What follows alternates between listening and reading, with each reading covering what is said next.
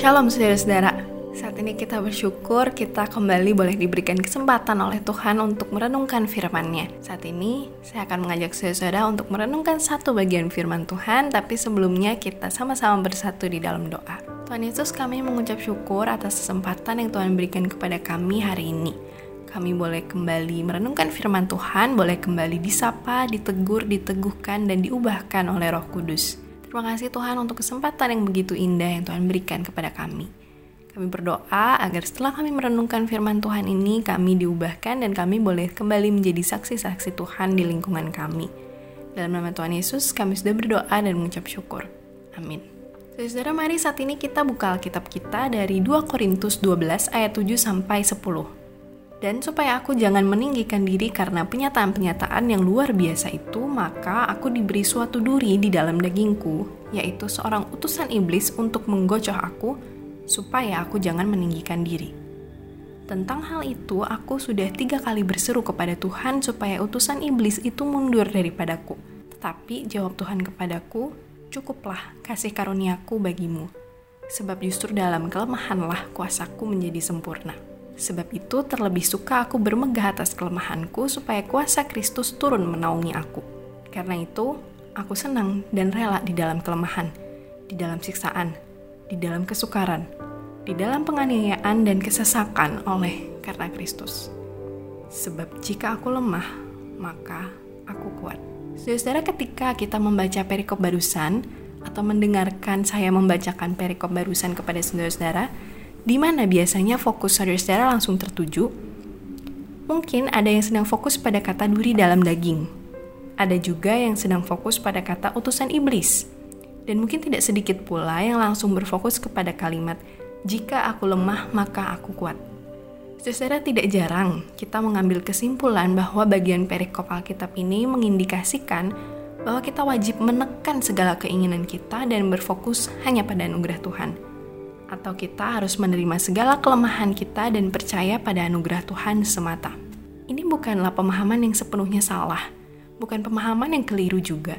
Tapi pada hari ini, saya ingin mengajak saudara-saudara untuk merenungkan bagian perikop ini dari sebuah perspektif yang berbeda. Kita akan coba tarik mundur bagaimana kondisi Paulus waktu ia menasihati jemaatnya mengenai bagian surat ini. Saudara-saudara, Paulus merupakan seorang rasul dengan buah pelayanan yang sangat-sangat luar biasa. Tetapi Paulus juga sadar bahwa tidak ada manusia yang kebal dari kejatuhan pada dosa kesombongan. Tidak ada manusia yang kebal pada kejatuhan di dosa meninggikan diri sendiri. Karena itu, Paulus menyadari bahwa ada sesuatu di dalam dirinya sebagai duri dalam daging. Dan Paulus berkata bahwa itu merupakan utusan iblis. Bisa kita asumsikan bahwa memang Allah mengizinkan Paulus untuk mengalami hal-hal tertentu. Agar apa? Agar Paulus tidak menganggap bahwa semua buah pelayanannya yang luar biasa itu adalah hasil usahanya sendiri. Apakah Paulus serta-merta terima gitu aja ketika Allah mengizinkan ada duri dalam daging pada dirinya? Tidak. Bahkan tercatat tiga kali Paulus meminta agar duri dalam dagingnya itu bisa dihilangkan. Saudara, tiga kali ini mungkin hanya sebuah angka.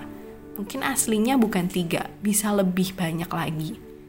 Tapi ini menggambarkan apa saudara-saudara? Ini menggambarkan bahwa Paulus sedang berproses di dalam duri dalam daging tersebut.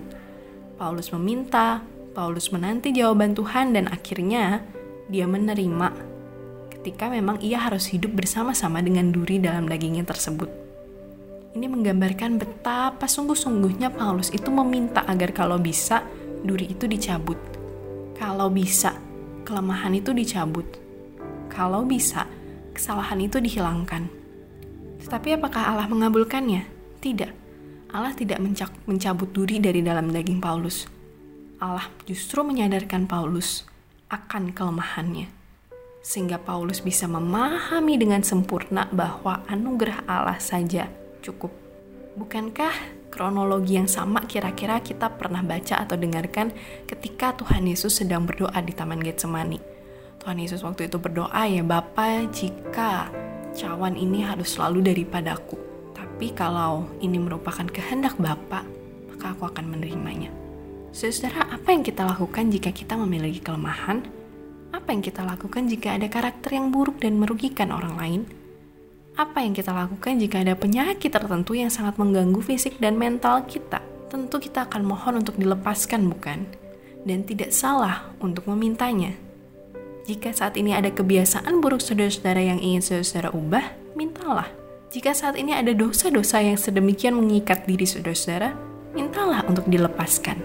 Jika ada sakit penyakit yang sedang menurunkan semangat saudara-saudara untuk melayani Tuhan, mintalah kesembuhan. It is totally okay to ask for it. Sangat-sangat fine, sangat-sangat oke okay untuk meminta kepada Tuhan. Karena apa saudara-saudara? Karena ketika kita meminta, kita akan belajar untuk menanti dengan cara Tuhan. Dan ketika kita belajar untuk menanti dengan cara Tuhan, kita juga akan belajar untuk bersandar kepada pimpinan Tuhan apa pun jawaban Tuhan.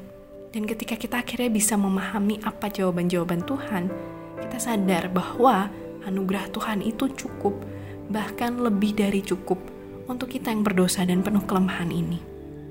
Saudara mintalah, mintalah agar dalam kelemahan-kelemahan kita, kuasa Tuhan itu lebih kuat. Mintalah agar dalam kelemahan-kelemahan kita, kita tidak menjadi batu sandungan. Mintalah sebuah kesadaran akan kelemahan diri kita sehingga pun ketika yang tersisa dalam hidup kita ini hanyalah anugerah Tuhan saja, itu sudah lebih dari cukup. Mari saudara-saudara, kita saat ini bersatu di dalam doa. Kita memohonkan dengan sungguh-sungguh agar Tuhan membukakan apa yang ingin Tuhan ubahkan dalam diri kita. Dan kita boleh meminta kepada Tuhan sesuatu yang ingin kita ubah agar kita lebih optimal dan kita lebih siap untuk melayani Tuhan. Tidak salah untuk meminta anugerah kepada Tuhan. Tidak salah untuk meminta sesuatu kepada Tuhan. Sehingga kita bisa sadar bahwa memang anugerah Tuhan saja cukup, karena anugerah Tuhan yang memberikan kita kekuatan. Mari kita kembali bersatu di dalam doa. Tuhan Yesus kami sungguh mengucap syukur jika kami boleh kembali Tuhan ingatkan dan kembali Tuhan sapa lewat perenungan kami pada hari ini. Kami bersyukur Tuhan untuk kesempatan yang begitu indah. Tuhan mengizinkan kami boleh bercakap-cakap dengan Tuhan sehari-hari, kapan pun, di mana pun, pada saat apa pun.